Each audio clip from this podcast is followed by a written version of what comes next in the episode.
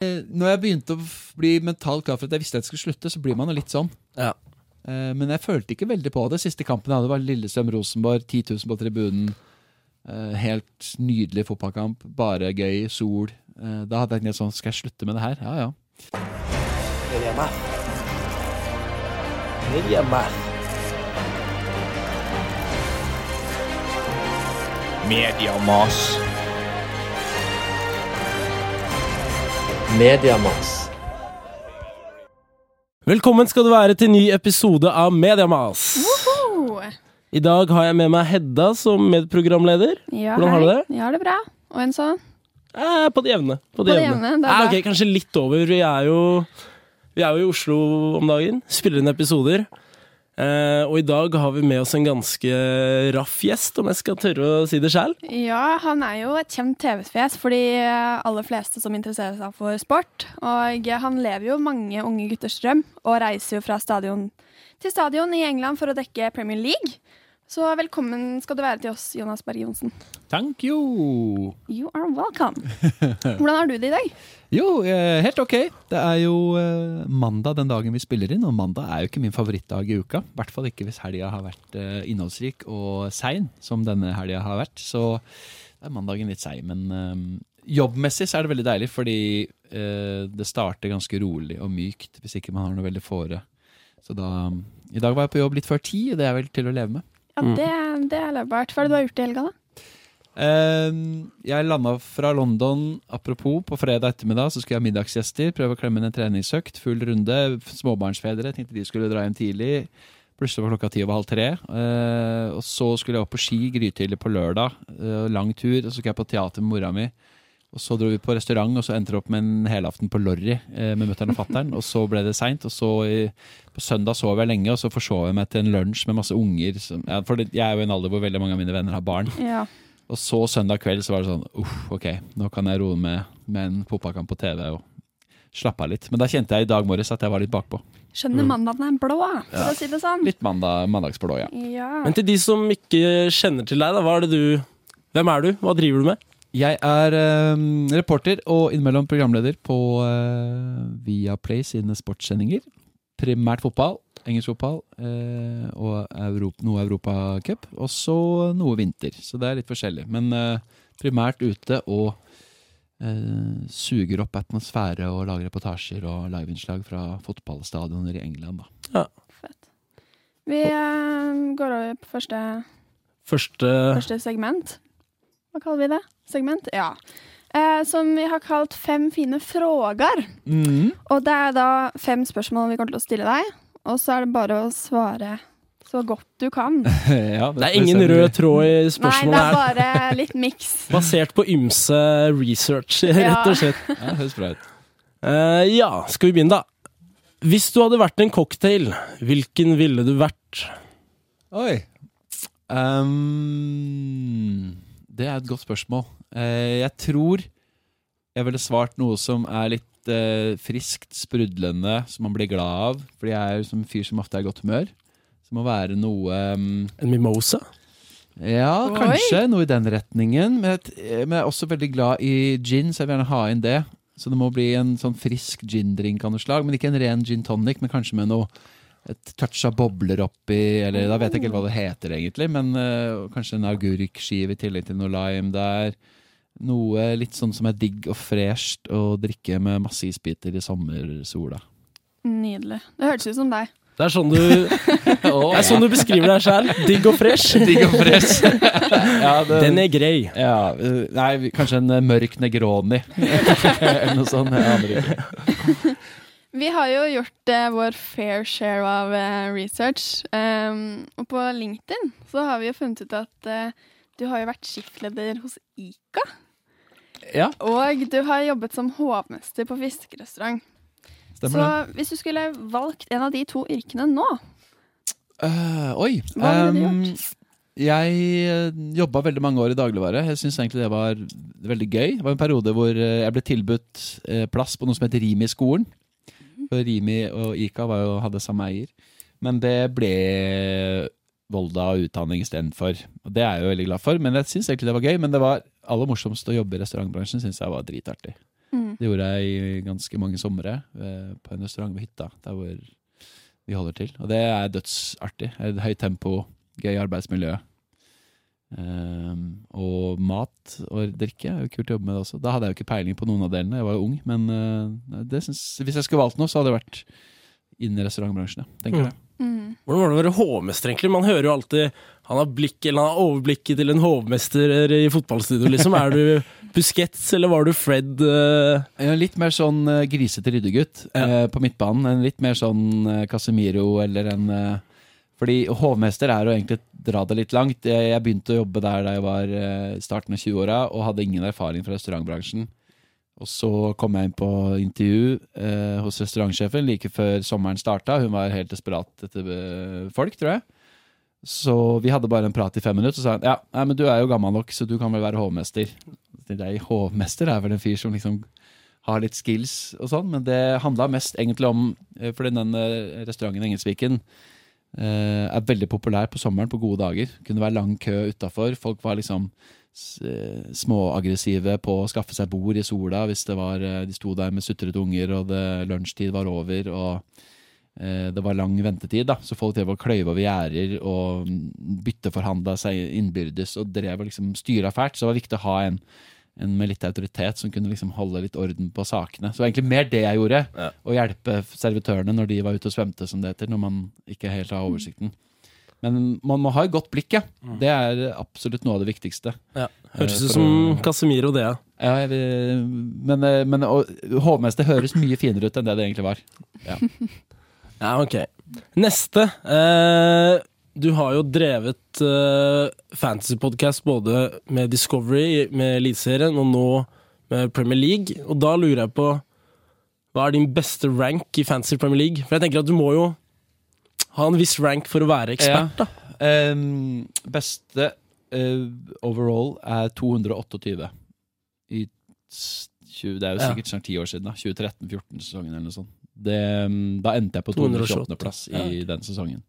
Og det, på det tidspunktet Hvilken her så- sesong sa du? Det er tror jeg 13-14 Ja. eller noe sånt. Det var jo færre som spilte den gangen, for å si det sånn. Det var før algoritmer og tallanalyser og FBL bikka 10 millioner spillere. Så det er jo litt lettere enn den gangen enn det er nå. Skal vi se, jeg skal gå tilbake her. 228, ja. 13-14-sesongen var det. Og så ble jeg nummer 455 to sesonger før det. Ja. Så da var det var en god periode. Det føles lenge siden. Ja, for det er en grunn til at jeg spør. Uh, fordi jeg kom 147 i fjor. Nei! Så jeg ville bare bryte deg ned litt her nå i starten, så skal jeg bygge deg opp videre.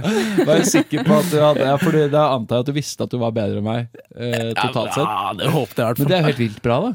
Ja, det hadde vært skuffende hvis du nå hadde hatt bedre. I så Ja. fall hadde jeg ikke noe å komme opp Men med altså videre. Men altså, Du gjorde ikke mange feil i fjor, du da? For å si det sånn. Eh, nei. Jeg og hadde litt flaks innimellom. Om, da. Ja. Ja, ja. Nei, men jeg var ikke med i noen pengeliga, så det var liksom, fikk Det ikke så mye dumt, ut av det. Nei, Nei. dessverre.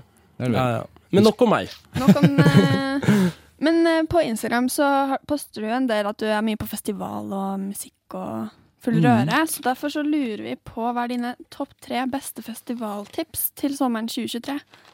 Oi.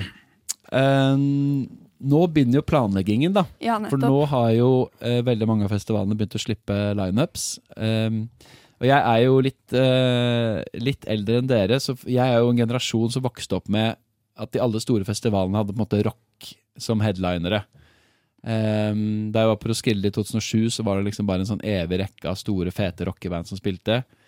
Og det føler jeg jo har blitt liksom erstatta med hybrida, hybrid av sånn elektronisk panfløytemusikk og eh, hiphop av folk som har tatovert seg i hele trynet og har gullregulering. Så jeg føler jo at jeg er litt eh, eldre enn det segmentet der. Og Derfor er det jævlig kult at i år så virker det som den store rockefestivalsommeren er tilbake. Ikke nødvendigvis i Norge.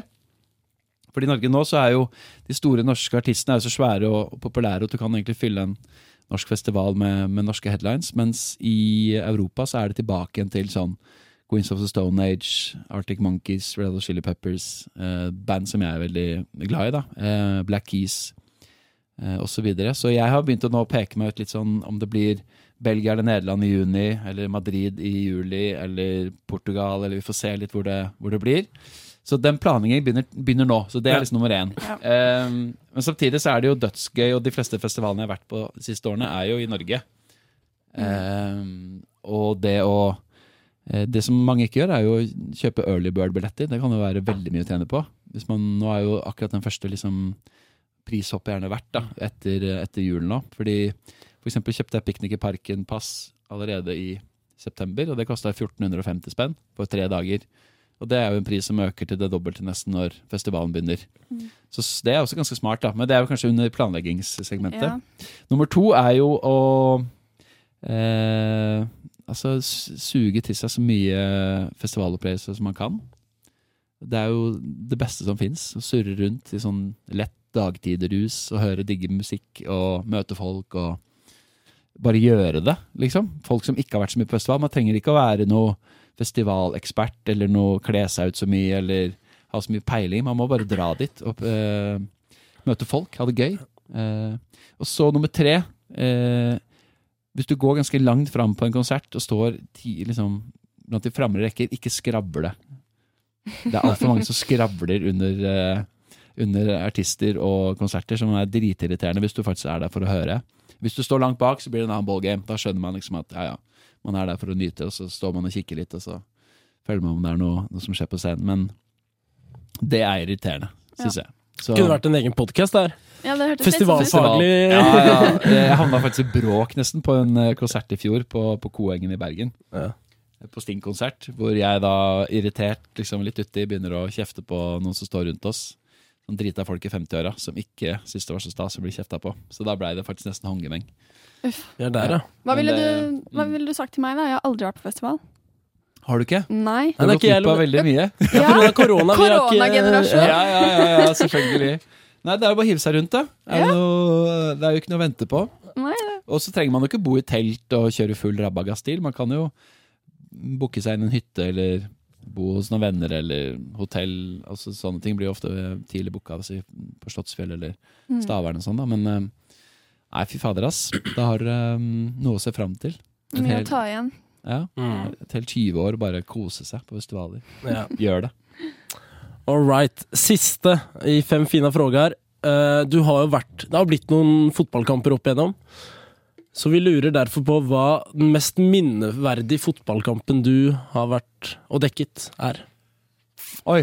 Um, Og hvorfor, gjerne. Ja, eh, jeg tror at eh, Hva skal man si der, da? Jeg, jeg var jo på Etiad når eh, Øyvind Alsaker hadde den Ja. Aguero, Aguero, Aguero, Aguero mot Queens Park Rangers.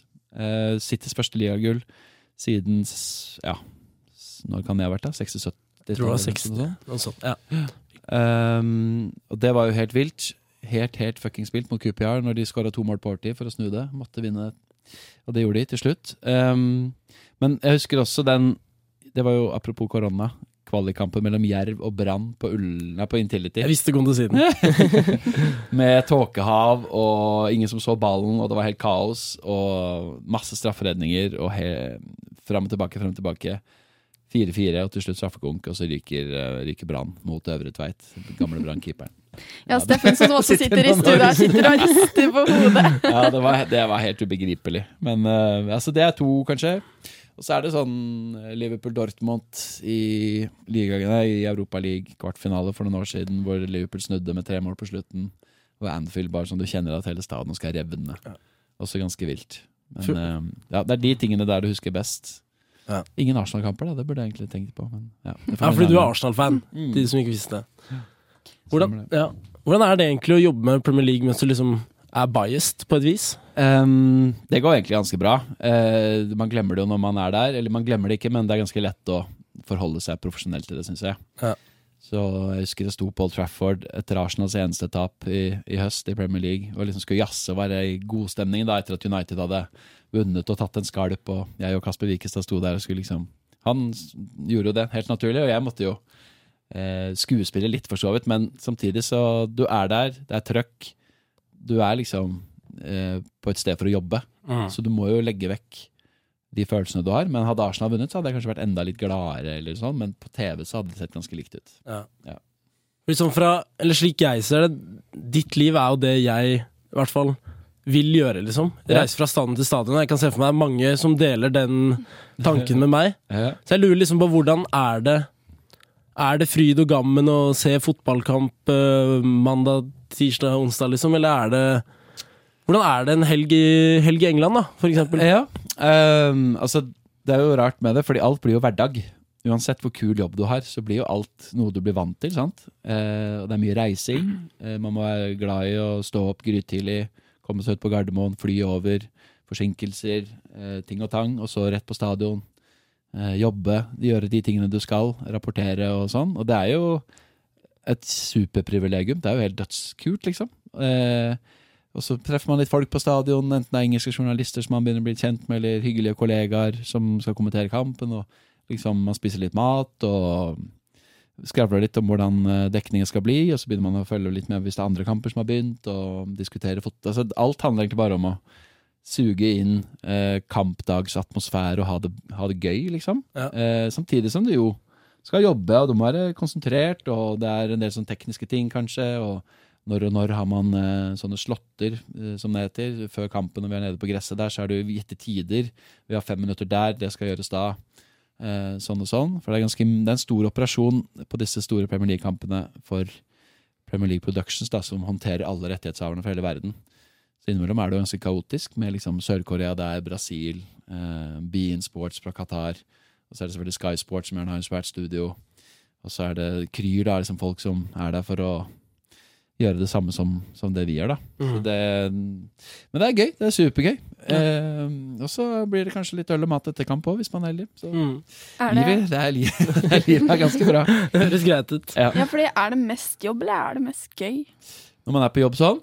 Ja. Eh, altså, jeg som ikke kommenterer kampene, kan jo ikke si egentlig at det er mest jobb, fordi jeg gjør jo ganske sånn korte innslag, og eh, når jeg først er på kamp, så er det egentlig ganske bedagelig. Eh, da sitter jeg jo for det meste og bare forsøker å analysere og følge med på kampen, selvfølgelig. Eh, og vi plukker jo ut de kampene som det er verdt å ha folk på, så det er jo veldig sjelden dødpunkter. Det er liksom ikke Southampton, Brighton eller Bournemouth, Crystal Palace. Det er jo stort sett ganske kule kamper, så det gjør jo at det er kjempe, kjempeartig. Men eh, det er jo allikevel jobb. Altså, eh, hvis det ikke hadde vært jobb, så hadde jeg jo vært der hele tiden. Og jeg sier jo nei til å gjøre noen ting, fordi vi, vi kan jo ikke jobbe og jobbe, jobbe hele tiden. Og du er jo borte fra venner og familie og, og sånne ting. Og det er mye helgejobbing og kveldsjobbing, og det er jo på en måte baksiden, da. At du må gå glipp av en del julebord og eh, festivaler, eksempel. ja. Jeg har, eh, I august har jeg allerede et dilemma som jeg ikke har begynt å ta opp med sjefen min ennå. Men eh, Premier League-åpningen er samme helga som Øyafestivalen, så der har jeg en utfordring. Men det er én ting liksom å gjøre de ofringene når du er så interessert i sporten. Da. Har du liksom jobbet med noen andre idretter hvor du ikke har samme interessen? Hvor det føles mer som jobb? Ja, altså, og det er veldig forskjell fra hva, hva slags type oppdrag det er. Og noen oppdrag og eh, arbeidsdager er jo gøyere enn andre. Eh, men det kan jo være helt fantastisk kult å jobbe med noe du ikke nødvendigvis er så interessert i på forhånd heller. For du, jeg blir veldig interessert i det jeg jobber med. Sånn at hvis jeg i en periode jobbet jeg ganske mye med ishockey, da hadde jeg ikke gjort så mye før. Hadde ikke sett så mye hockey, men ble jo veldig glad i det på kort tid. Veldig fine utøvere, lett å dekke fordi det var åpenhet og tilgjengelighet og gøye eksperter. og på, al- Alle var påskrudd, det var artig. Eh, samme langrenn. Eh, men det varierer jo. Jeg føler jo at jeg så kanskje mer på sport da jeg var liten og ungdom. og sånn, Så så man, lå, kunne jeg bare ligge en hel lørdag og bare følge med på alt. Jeg har jo slutta litt med det. Ja. Så jeg er jo veldig sportsinteressert, men jeg ser jo kanskje mindre på sport enn jeg gjorde før, fordi arbeidsdagen min også er sport. Mm. I dag for eksempel, har jeg sittet og sett på Match of the Day sin FA Cup-sending fra lørdagen, for Mm. å få liksom en følelse av alle kampene som gikk i helga, som jeg ikke har fått med meg. da. Og Det er jo det er jo ikke tung arbeidsdag, men jeg sitter jo og ser på fordi jeg føler jeg må litt. Du ser på en måte det som er relevant for din jobb. Ja. Ja. Så jeg følger jo mindre med på norsk fotball nå enn jeg gjorde bare for et halvt år siden. Da jeg jobba i Discovery og, og jobba veldig mye og tett med norsk fotball. Ja. Det må prioritere litt, Mm. Fordi Ja. ellers blir du helt gal. Det går jo 100 fotballkamper på TV i uka.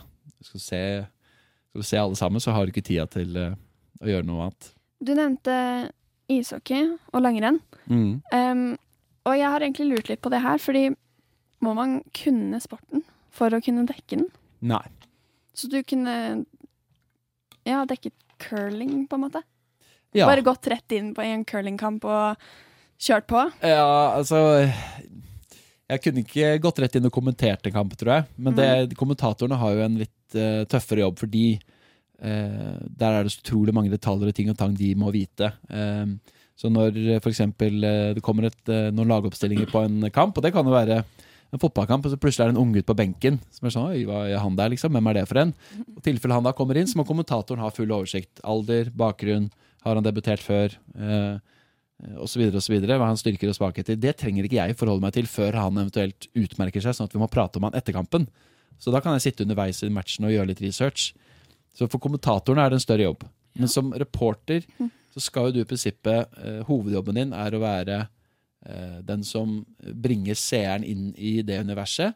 Med å ønske velkommen og være til stede og stille spørsmål. Og så er jo ekspertene som gjerne skal kunne mest.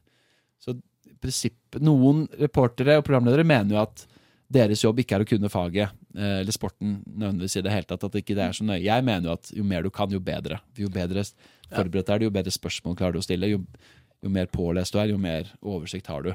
Da går du ikke glipp av ting. Og du kan ta referanse med intervjuobjekter som Ja, det her skjedde jo da og da. Og så, «Å ja, ja, du vet det, ja, det, ikke sant? Da viser du også overfor utøverne og trenerne at du tar det på alvor. For de legger veldig fort merke til hvis de føler at de blir intervjuet av noen som ikke har peiling. Ja. Eh, og det mm, er noe man må virkelig ta hensyn til, syns jeg. Og hvis du skal dekke en sport, så må du jo gå all in. Men å kunne kreve at alle kan alle idretter fra før, det kan man jo ikke. Nei. Nei. Og så Jeg regner jo med at du er mest komfortabel med å dekke fotball. Mm. Men hva hadde vært en sport du ikke hadde vært så komfortabel med å dekke? Eh, oi, det måtte vært en som hvor nerdenivået er ganske høyt på de som følger med, men jeg er helt uh, nude, liksom. Eksempelvis.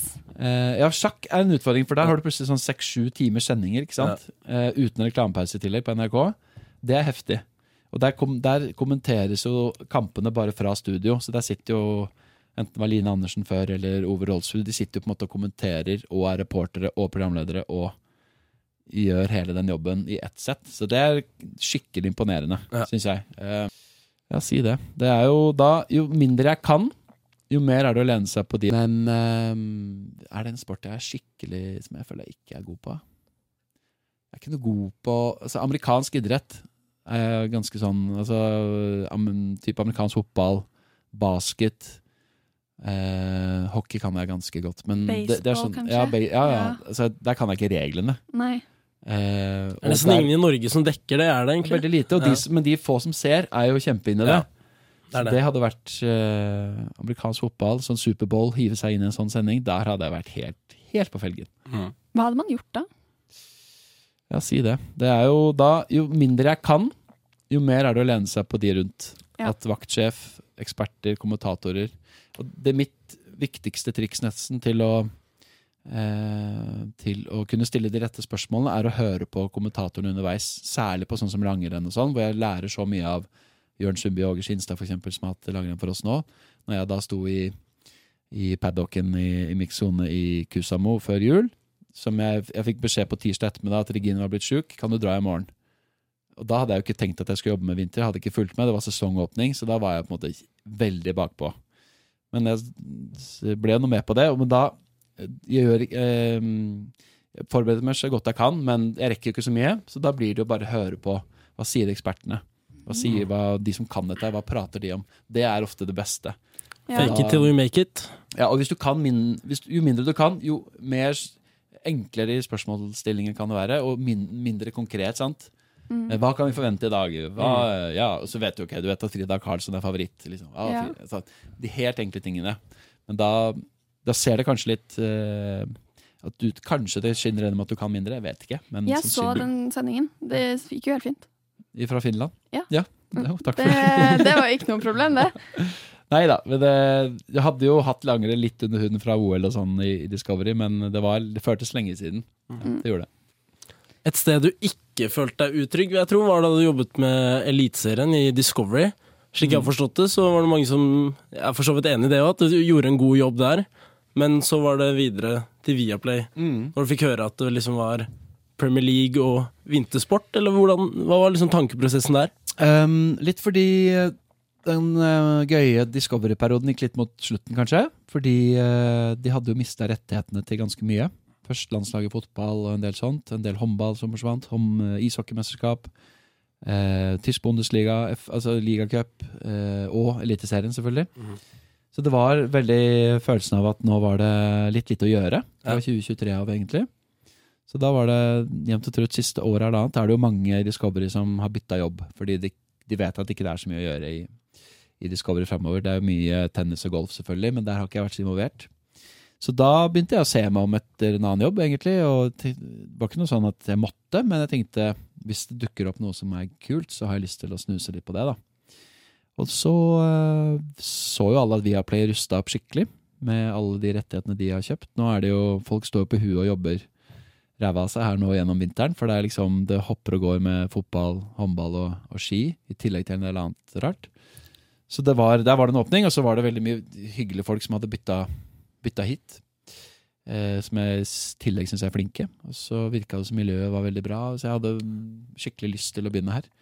Så da strakk jeg ut en hånd da, og ringte til Kristian Oma, som er sportssjef, som jeg kjenner litt fra før. Ja, ok, nå er den veien, ja. Mm. ja okay. Så det var ikke sånn at jeg ble headhunta eller kontaktet, eller noe sånt, men det var vel en stilling som de skulle eh, Det lå en sånn reporter-programlederjobb der, som eh, jeg følte egentlig var ganske skreddersydd med tanke på hva det var den jobben inne, innebar. da.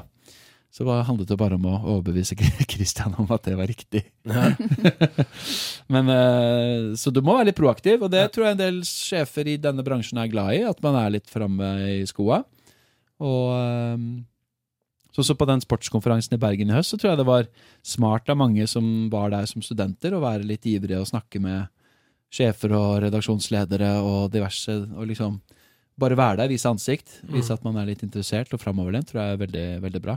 Um, jeg var ikke sånn sjøl i det hele tatt. Jeg var jo jobba ikke av lokalavis og var ikke ferdig i Volda før jeg var 25, så jeg startet jo på en måte seint. Så det går jo helt fint, det òg, men jeg tror det er lurt å, å være ivrig. Ja. Eh, absolutt. Men jeg, jeg husker i fjor, da, i hvert fall etter liksom bærebjelker i den eliteseriesatsingen med deg, Gunhild Tollnes og Mm. Joakim Jønsson liksom ga seg året før, og i løpet av året de mista rettighetene, så fikk de mye kjeft for at de liksom ikke tok norsk fotball, eller produktet, seriøst nok, da. Hva Mm. tenker du om det? Nei, altså utfordringen der er jo at eh, når da noe begynner å slutte, så eh, kan jo det bli veldig synlig, og så er det begrensa hvor mange man kan hente inn, fordi det er så kort tid igjen av rettigheten.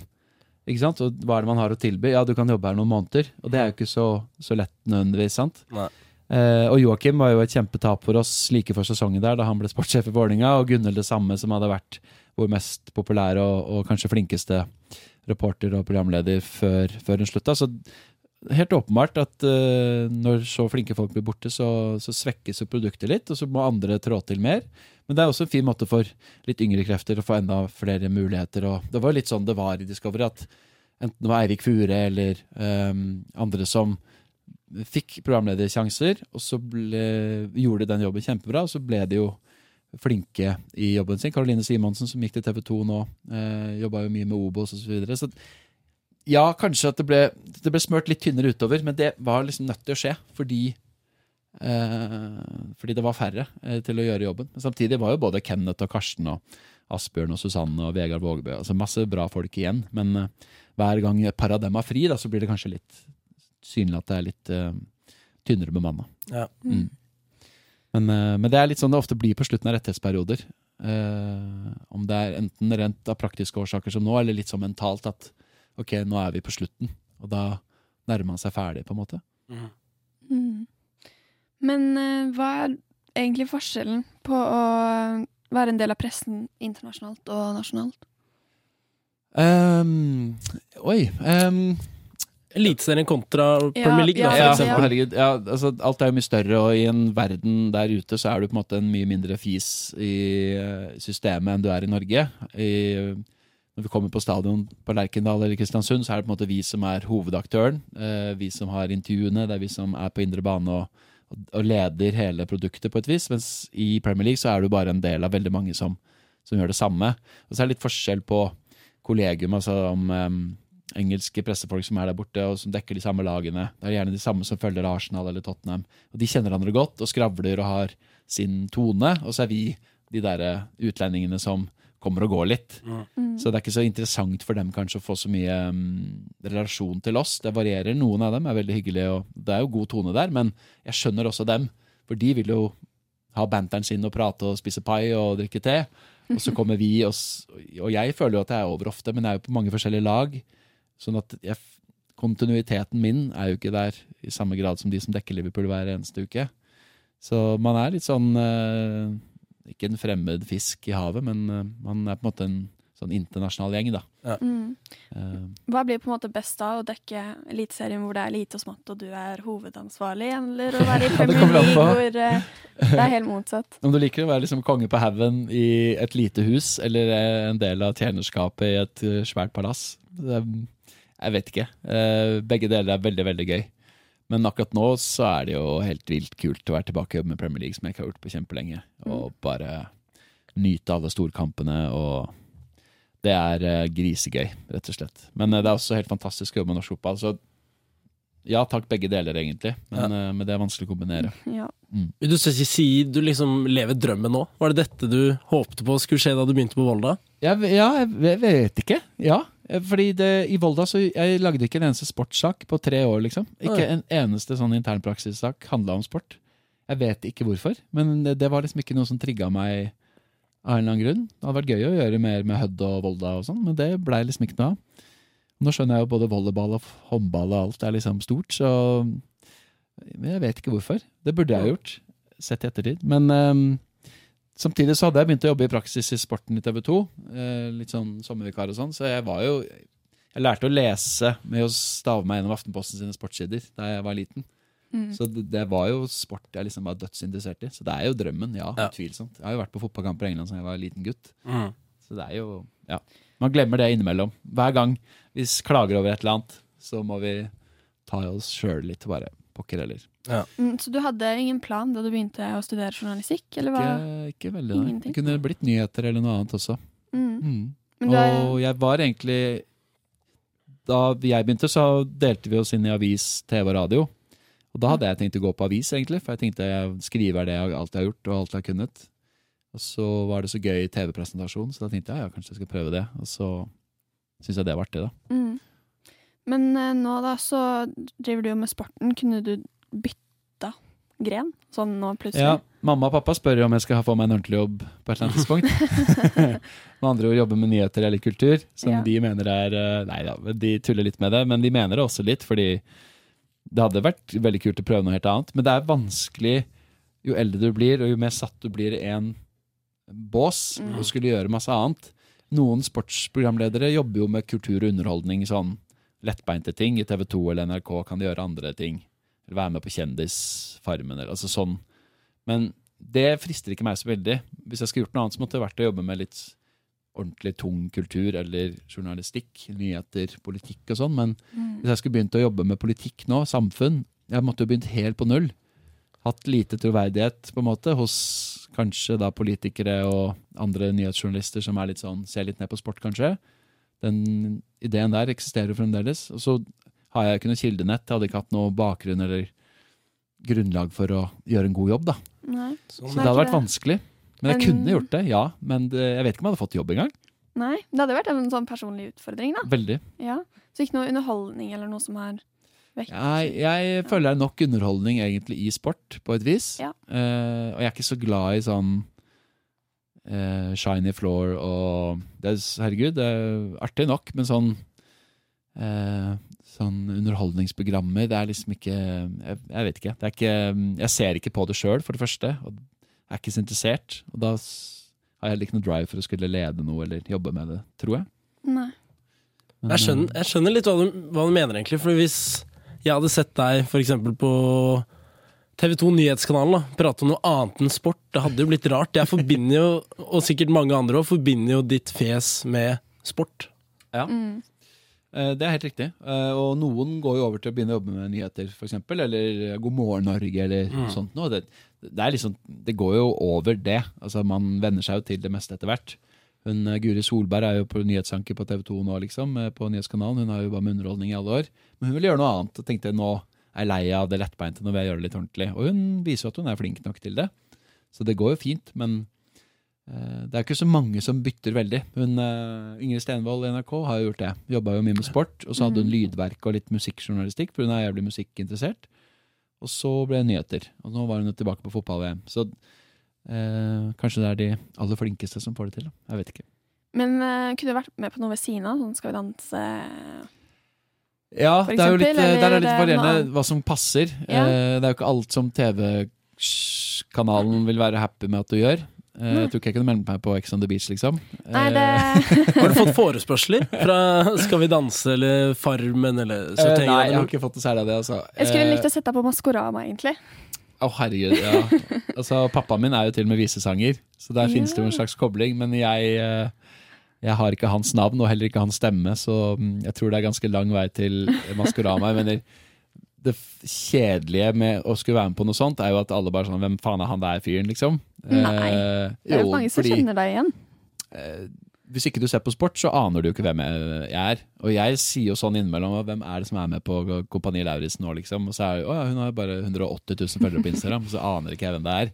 Så, så det skjer jo, sant. Så, eh, men det hadde vært gøy å være med på f.eks. Kompani eller eh, 71 eller noe som utfordrer deg litt. Hadde vært gøy. Men jeg tror ikke Og for så vidt det hadde Skal vi danse også gjort. Mm. Men eh, ah, jeg vet ikke. Eh, det må klaffe også, da, for jeg, Ja. da må man jo ta fri. ikke sant? Permisjon Mm. fra jobben sin hele den perioden man er med. Mm. Eh, og det er ikke alltid at det er like lett. Men, eh, og så er det litt sånn TV-husaktig òg, da. Når jeg jobber i Viaplay, så er det mer sannsynlig at jeg skulle være med i et Viaplay-program enn et Ja. TV 2-program. Selvfølgelig. Mm.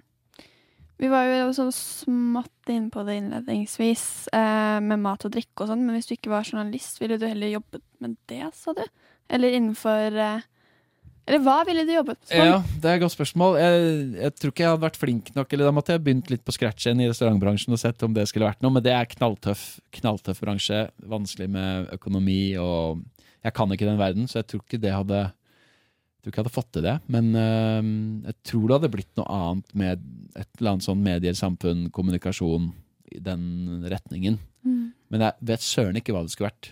Virkelig ikke. Hvis jeg ikke skulle vært journalist. Så jeg har ikke noe å falle tilbake på i det hele tatt. Ehm, så, eh, men innimellom så diskuterer vi vi La oss si at man gjør det som premiss. da Middags, eh, Rundt middagsbordet. Diskuterer ok, hvis du skulle bytta jobb i morgen, hva skulle det vært? Og da har jeg aldri noen særlig gode svar. Jeg syns det er vrient å se for seg. Så det blir Mm. nok journalistikk en del år til. Ja. Hva er fremtidig mål? Um, jeg er ikke sånn som setter meg så veldig sånn mål. Ehm, målet må hele tiden være å få nye utfordringer på jobben. For jeg kjeder meg hvis jeg går fast i samme mønstrene. Så det er kult, og det er nesten alltid noe å se fram til som er stort og, og eh, en ny utfordring. Sånn som i Discovery de siste årene, så var det først å skulle ha langrenn hopp og kombinert i Pyeongchang. Det var noe jeg både måtte jobbe veldig mye med og sette meg inn i fra scratch. Og så var det Tokyo-OL med, med friidrett, det er litt det samme. Og så igjen studio i Beijing. Og da får du på en måte nye, tøffe arbeidsoppgaver, sånn om ikke en gang i året, så i hvert fall noe som tar mye tid, som du må forberede deg på, og som er nytt. Og det er veldig kult. Og nå har det på en måte vært litt det med å bytte jobb igjen, så nå kan jeg leve på å være litt tilbake i Premier League og vintersirkuset en god stund. Og så får vi se om et år eller to om jeg Ja. eh, kanskje håper å få gjøre noe nytt. Det kan være andre ting. Det kan være å prøve seg som vaktsjef eller eh, andre eh, type oppgaver. Så det, det å få nye utfordringer tror jeg er smart uansett hva man holder på med. Ja. Så det rekker liksom ikke å bli mett før du begynner på noe, et nytt prosjekt? Nei. Nei. Jeg syns egentlig ikke jeg har gjort det til nå, i hvert fall. Slutten av Eliteserien, da? Var du mett da? Eh, når jeg begynte å bli mentalt klar for at jeg visste at jeg skulle slutte, så blir man jo litt sånn. Ja. Eh, men jeg følte ikke veldig på det. Siste kampen jeg hadde, var Lillestrøm-Rosenborg. 10 000 på tribunen. Eh, helt nydelig fotballkamp. Bare gøy. Sol. Eh, da hadde jeg tenkt sånn Skal jeg slutte med det her? Ja, ja.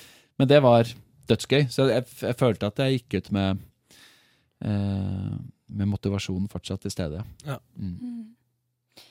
Tilbake til England. Hva gjør du der når du ikke er på jobb?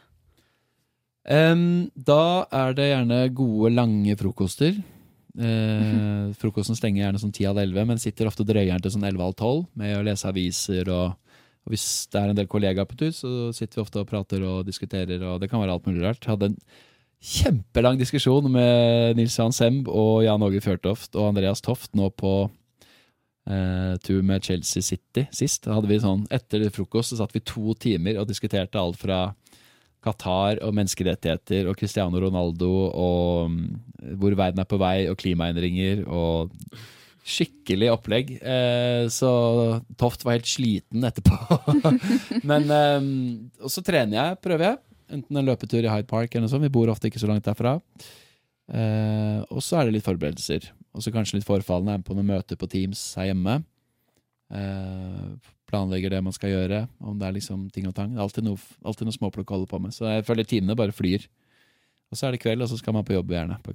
Mm. Så Dere drakk ikke på fylla etter en vellykka helg, det liksom? kan skje, absolutt. Ja. men ofte er jo kampene ferdig ganske seint. Ja. Og så er det sånn eh, Det er veldig hyggelig å gå ut og drikke et par øl med kollegaer og, og kanskje spise en matbit, men det derre Når man er så mye på tur, sånn 80-100 dager i året som jeg er, så du kan ikke drive og gå på skjenk liksom hele tida. Nei, fordi det er jo hverdagen deres, Det er hverdagen. Og selv om det da kan være en helg, så er det nesten litt digg at det blir lite alkohol den helga. For jeg har jo et hjemmeliv hvor det er mye sosialt og, og festing og sånn. Og da, når jeg da kommer på jobb, sånn som i eliteseriesammenheng, ofte på en søndag, det reiser til Bergen eller Trondheim eller sånn, og så skal eh, Fredheim og Tor Ole ha seg en øl etterpå, så er jeg sånn Nei, jeg tar med ro og er litt sliten og sånn. Gjerne litt bakis. Det er sånn, Nei, junior, du skal være med ut og drikke øl. Hallo. Vi er 55, du er 35, du skal ha øl. Ja. Så den kulturen lever jo litt, men da Jeg føler at det er digg å ta det litt med ro også. Ja. Ja, og være fresh, liksom. ja, for jeg har fulgt deg på Insta i hvert fall ett eller to år. Du slår meg jo som en livsnyter, Ja, det er godt hvis det er lov å si. Det er helt riktig. og jeg liker høyt tempo. Ref innledningen her.